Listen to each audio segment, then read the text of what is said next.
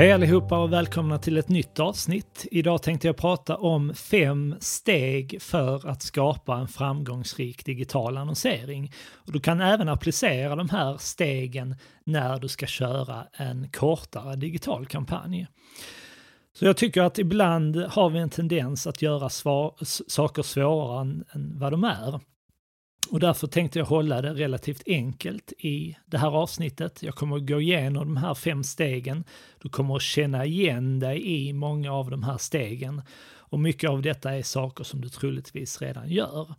Men det här är alltså fundamentala saker för att din annonsering ska prestera på ett så optimalt sätt som möjligt.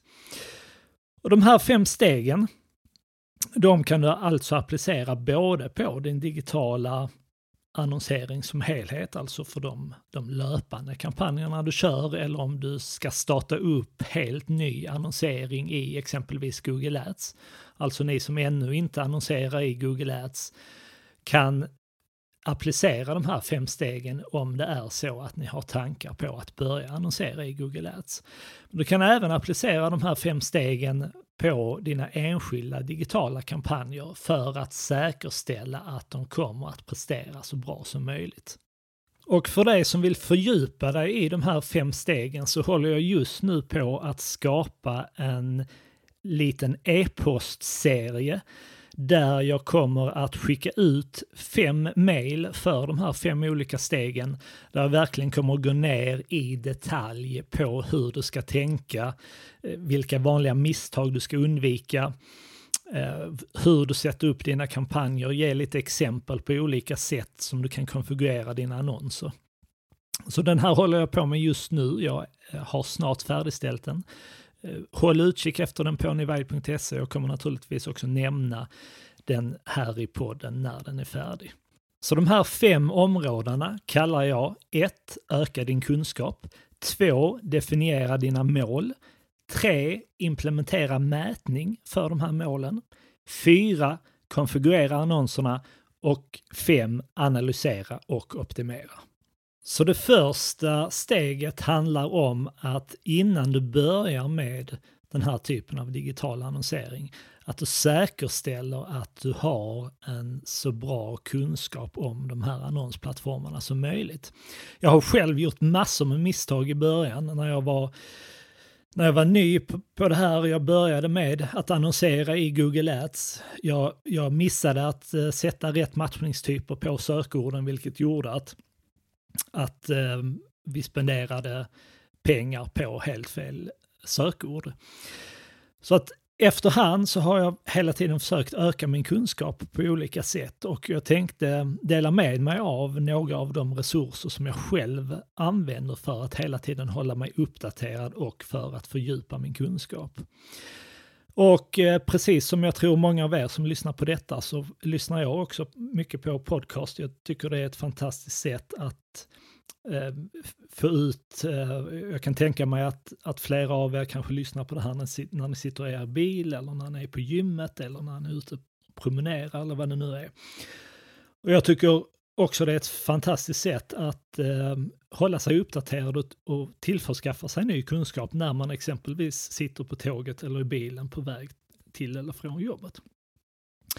Så att jag har skrivit eh, en artikel, och jag har tidigare tipsat också om 15 poddar som jag eh, rekommenderar. Jag kommer lägga med länken till den här artikeln i anslutning till det här avsnittet. Så kan du gå igenom där eh, lyssna på no några av de poddarna och börja prenumerera på de poddar som du känner är relevanta för just dig. Några av de poddar som jag vill lyfta fram som jag lyssnar på återkommande det är Marketing School med eh, Eric Sue och eh, Neil Patel. De släpper ju dagliga korta avsnitt med väldigt konkret kunskap om eh, kanske framförallt sökmotoroptimering och eh, content marketing. En annan podcast jag lyssnar på regelbundet heter The Paid Search Ads Podcast, fokuserar på annonsering i Google Ads. Och sedan en podd också som heter Next Level Facebook Ads Podcast som fokuserar helt och hållet på annonsering i Facebook. Så det här är ett bra sätt att eh, hålla sig uppdaterad, eh, få lite ny inspiration till att eh, hela tiden förbättra sin annonsering på olika sätt. Ett annat sätt som jag håller mig uppdaterad på det är att använda ett verktyg som heter Feedly, som egentligen är en RSS-läsare där man kan skriva in vad ska man säga, ämnen som man vill bevaka. Man kan även lägga in RSS-länkar till bloggar som man vill följa.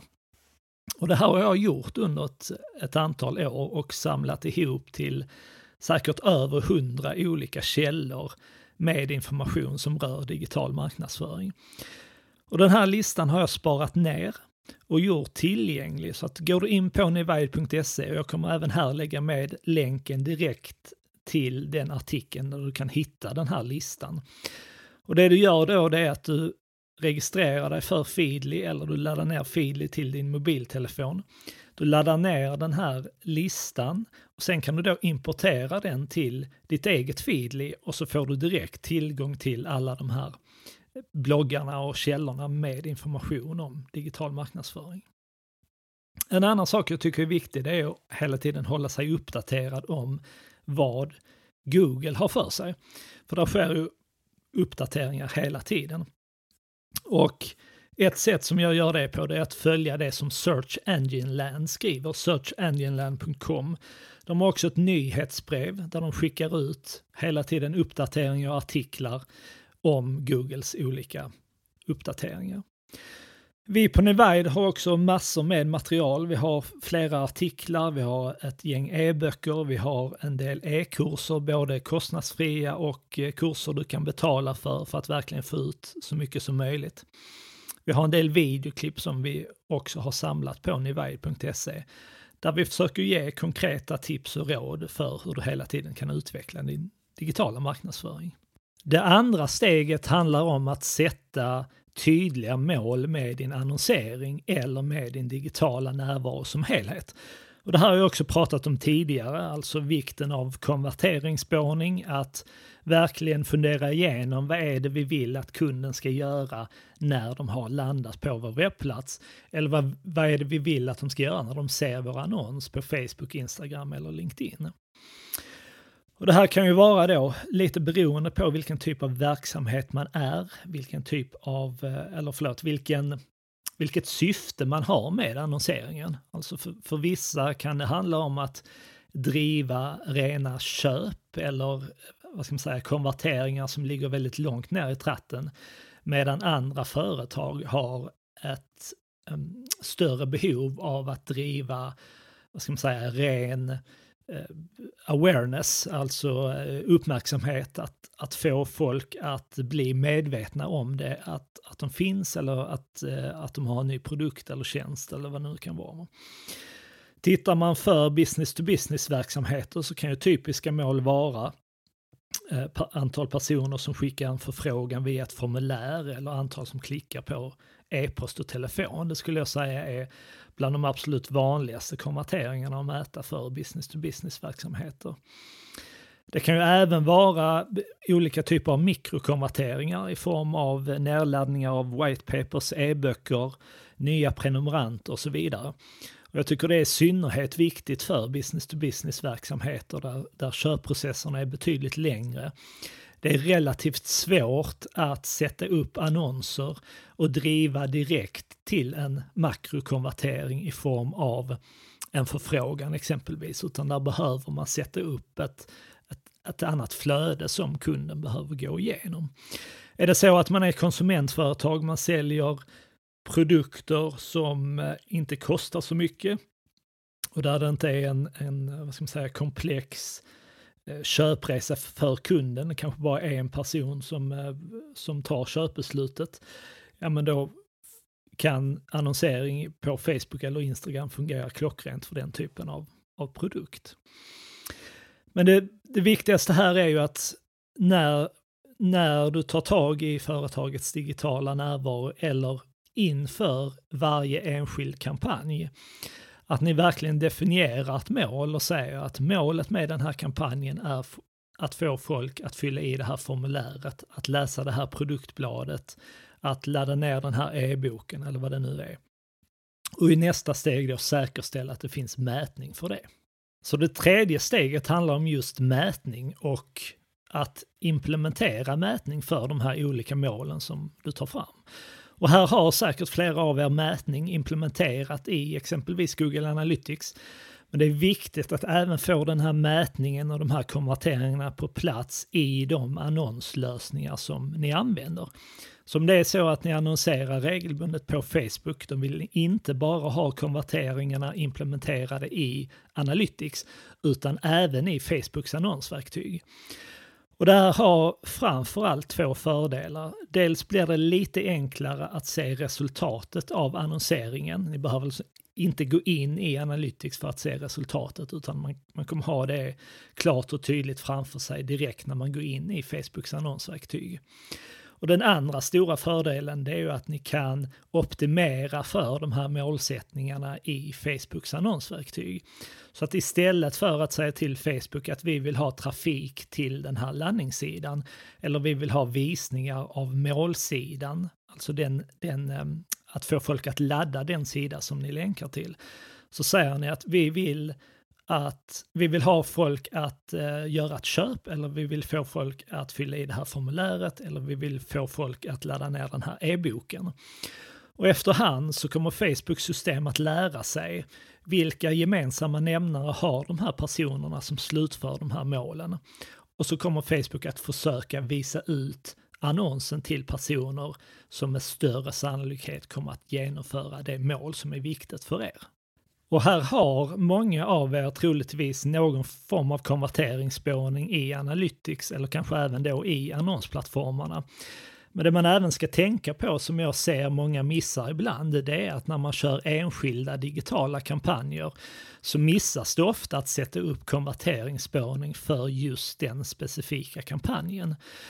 Och det här är väldigt tydligt eh, när eh, jag har sett stora bolag vänder sig till en reklambyrå, man ska göra en stor kampanj och i samband med den kampanjen så tar man fram en, en eh, kampanjsida på en extern domän eh, och missar då att implementera konverteringsspårning där. Så det är egentligen, jag tycker egentligen man gör två fel där. Att jag tycker att man ska, man ska bygga de här kampanjsidorna på sin vanliga hemsida så att man möjliggör för kunden att upptäcka övriga delar av verksamheten. Eh, och liksom allt vad gäller SEO och, och, att, att man får in mer content på sin webbplats och så vidare. Men även då att man även kan se hur påverkar den här kampanjen eventuellt andra konverteringar som vi har på vår webbplats och som är viktiga för oss. Att implementera konverteringsspårning kan ju vara lite komplicerat eh, och det jag har märkt är att det absolut enklaste sättet att implementera någon form av konverteringsspårning det är att ha en unik taxsida med en unik URL som man kommer till efter att man har gjort exempelvis en formulärförfrågan. För då kan man relativt enkelt i Google Analytics och även i annonsplattformar som Facebook och LinkedIn lägga in den här eh, webbadressen till den här tack och bekräftelsesidan.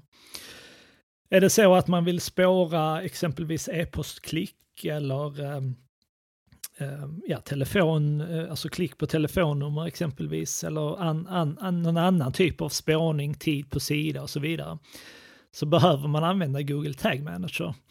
Och då blir det lite mer komplext om man inte tidigare har jobbat i Tag Manager. Men här finns massor med YouTube-klipp eh, på hur man går tillväga för att åstadkomma detta. Så om ni söker på conversion tracking tag manager i YouTube så kommer ni få upp massor med klipp där personer visar det här steg för steg. Jag hoppas att jag också någon gång kommer att spela in ett videoklipp där jag visar precis hur ni implementerar olika typer av konverteringar. Så nu har vi kommit till det fjärde steget och det vi har gjort nu det är ju att vi hela tiden ökar vår kunskap. Vi håller oss kontinuerligt uppdaterade om hur de här annonsplattformarna förändras eller vilka ändringar som Google gör i sina algoritmer och så vidare. Vi har ett tydligt mål för vad vi vill åstadkomma både med vår digitala närvaro som helhet men även för våra enskilda digitala kampanjer. Vi har säkerställt att vi kan mäta det så att det blir väldigt tydligt för oss vilket resultat som olika kanaler eller som olika digitala kampanjer bidrar med Ehm, för de här olika målen. Steg fyra handlar om att nu är det dags att sätta upp och konfigurera annonserna.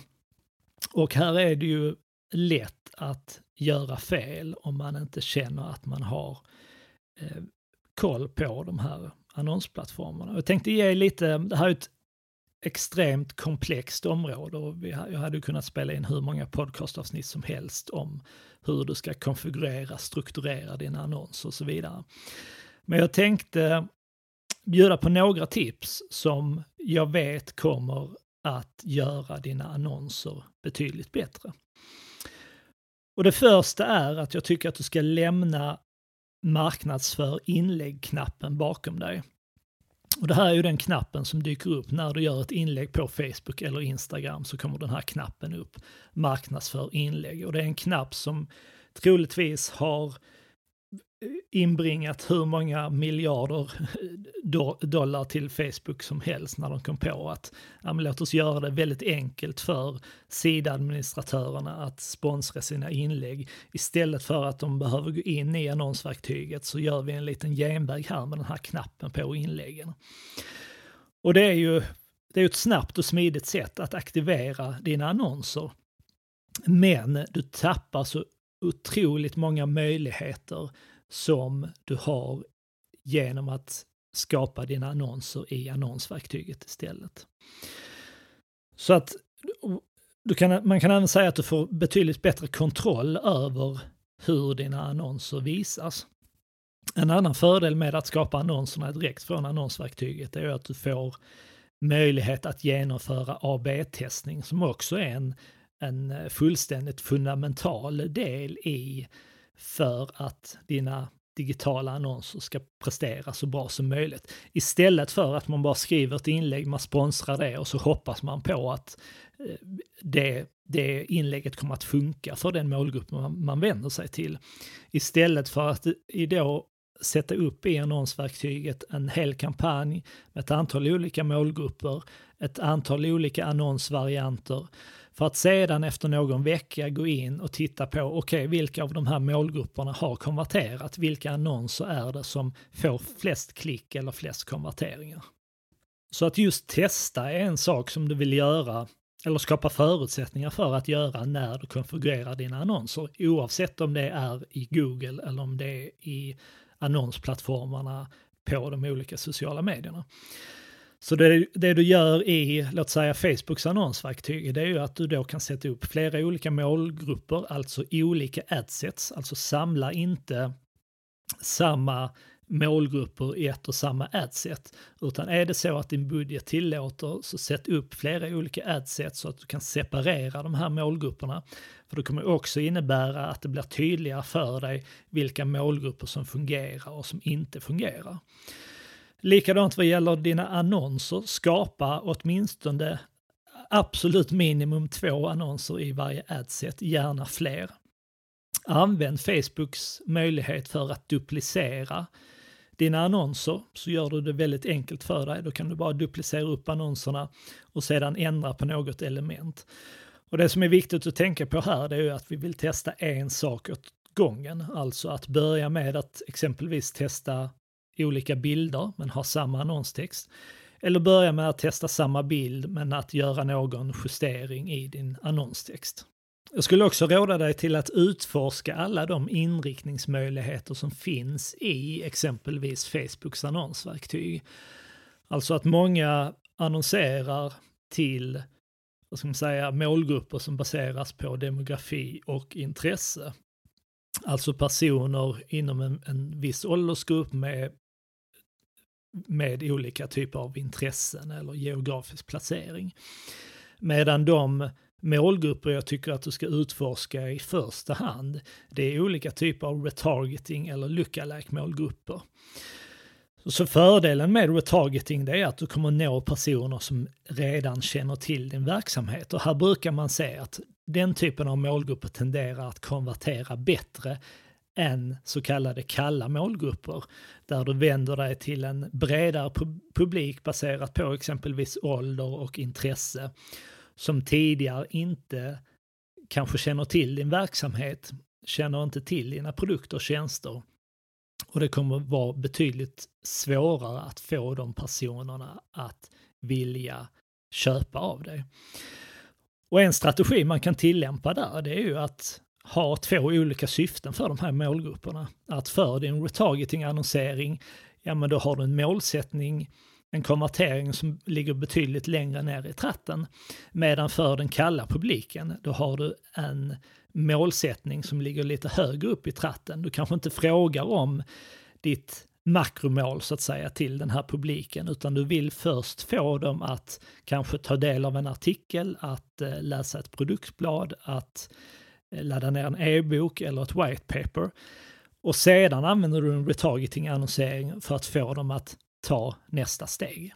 Vad gäller din annonsering i Google så tycker jag det där att det är viktigt att undvika några av de absolut vanligaste misstagen som vi ser att många företag gör. Jag har pratat om det här i podden tidigare och jag kommer lägga med länken till det avsnittet för dig som vill fördjupa dig i detta. Men det som är absolut vanligast som vi ser där det är att man använder helt fel kampanjstruktur i sitt konto. Så det man vill åstadkomma när man annonserar i Google det är att vi vill presentera en så relevant annons för kunden som möjligt. Så är det så att de söker efter blåa klänningar, då ska vi visa en annons som handlar om blåa klänningar och som inte bara handlar om klänningar. Utan skriver de in blå klänningar, då vet vi att här är en person som är intresserad av blå klänningar och då ska vi visa en annons som också handlar om det det kommer att öka klickfrekvensen på annonserna helt enkelt.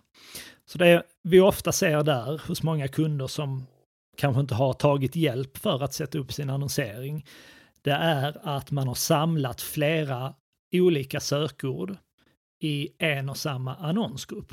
Och det gör att samma annons visas för alla de här olika personerna trots att de söker på helt olika saker. Ett annat vanligt misstag vi ser det är att man använder fel matchningstyper. Så att matchningstyper det är ju ett sätt för oss att berätta för Google när vi vill att annonserna ska visas. Här har vi bred matchning, bred modifierad matchning, frasmatchning och exakt matchning. Och använder man en bred matchning då skriver man in sökordet precis som det är. Men det innebär att annonserna då kan visas på det sökordet man har skrivit in, men även på sökord som Google bedömer är relevanta. Och här funkar inte Googles system klockrent, utan här är det en, en övervägande risk att Google kommer att börja visa era annonser annonser på sökord som är helt irrelevanta för er. Och på det sättet så riskerar man ju att spendera pengar på helt fel klick. Och sedan finns det då olika nivåer där man då kan smalna av inriktningen. Där den ska man säga, mest avsmalnade inriktningen är ju då en exakt matchning där man säger ja, men vi vill bara att annonserna ska visas på den här exakta frasen och ingenting annat. Så jag kommer lägga med en länk i, ett, um, i uh, anslutning till det här avsnittet där du kan läsa mer om just att säkerställa att du har rätt matchningstyper i ditt konto. Så det femte steget handlar ju helt enkelt om att nu har vi mätningen på plats, vi har konfigurerat annonserna på ett så optimalt sätt som möjligt. Vi har kört igång annonserna, men det är ju nu som det riktiga arbetet börjar i att hela tiden analysera och optimera annonseringen på olika sätt. Och för det som kanske fram tills nu har använt marknadsfört inlägg, du kanske inte gör AB-testning av dina annonser, börja i en väldigt enkel skala. Jag skulle säga testa att sätta upp ett antal olika adset. Kör två eller tre annonser i varje adset och lite på hur din budget ser ut efter kanske en, två veckor och beroende på såklart hur lång eh, kampanj du kommer att köra. Gå in efter en eller två veckor och titta på, okej, okay, vilka av de här anno annonsgrupperna eller adseten har presterat bra. Eh, en sak man kan titta på där, det är ju naturligtvis kostnaden per resultat. Är det någon något adset där det kostar alldeles för mycket innan det sker en konvertering.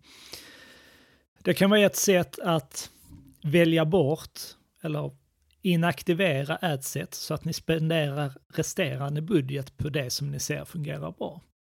Likadant gå in och titta på era annonser och är det så att du inte har använt Facebooks funktion för AB-testning, då har Facebook själv märkt vilken av de här tre olika annonserna satt, eh, som du satte upp tenderar att fungera bättre. Och så har Facebook börjat att visa ut den annonsen betydligt mer än de andra varianterna. Men där kan du ändå då gå in och inaktivera de annonserna som har fungerat sämre. Och sen kan du då låta de adseten och de annonserna som presterar bra att löpa kampanjperioden ut. Nästa steg därefter, om du vill ta det ytterligare ett steg, det är att fortsätta din AB-testning eller att fortsätta testa andra målgrupper. Så du kanske tar din vinnande annons, du gör ytterligare någon variant på den annonsen om du exempelvis har testat bild och kommit fram till att ja, men bildvariant 2 fungerade bäst. Ja, men då är nästa steg kanske att testa annonstexten eller att testa rubriken eller att testa att lägga in en emoji eller något annat i annonsen som kan växa, väcka uppmärksamhet. Så det var lite kort om de här fem stegen. Nummer ett, öka din kunskap. Håll dig uppdaterad. Nummer två, definiera dina mål, både för din digitala närvaro som helhet, men även för dina enskilda digitala kampanjer. Steg tre, säkerställ att det finns mätning för de här målen i annonsverktygen eller även då i Analytics. Steg fyra handlar om att helt enkelt konfigurera annonserna och kampanjerna på ett så optimalt sätt som möjligt. Och steg fem handlar om att analysera och hela tiden förbättra resultatet av din annonsering. Jag jobbar just nu på en e-postserie där jag kommer fördjupa mig och verkligen gå in i detalj i de här fem olika stegen. Och jag räknar med att den här e-postserien kommer att färdigställas under januari. Så håll utkik på nuvail.se. Jag kommer också berätta här i podden när den är färdig. Så kommer du att kunna gå in på nuvail.se prenumerera på den här e-postserien och under de kommande fem dagarna få de här stegen verkligen i detalj, precis hur du ska göra och vad du ska tänka på och så vidare. Så det var allt för idag. Jag hoppas att eh, du tar hand om dig. Eh, jag vet att eh, många av er som lyssnar är ehm, befintliga kunder eller vi har träffats i några sammanhang tidigare. Jag hoppas att vi snart kan träffas igen. Jag hoppas att jag kan lära känna fler av er som eh, har börjat lyssna på den här podcasten. Och är det så att ni uppskattar den här podcasten och vill att jag fortsätter med den, dela gärna den i era sociala nätverk. Hör gärna av er till mig och berätta att ni uppskattar den här podden eller eh, dela med er av önskemål om det finns något speciellt ämne eller något annat som ni vill att jag ska prata om. Så ser jag vilka möjligheter som finns för att ta upp det i podden vid tillfälle. Så med det sagt så vill jag önska dig lycka till och så hörs vi snart igen. Ha det bra!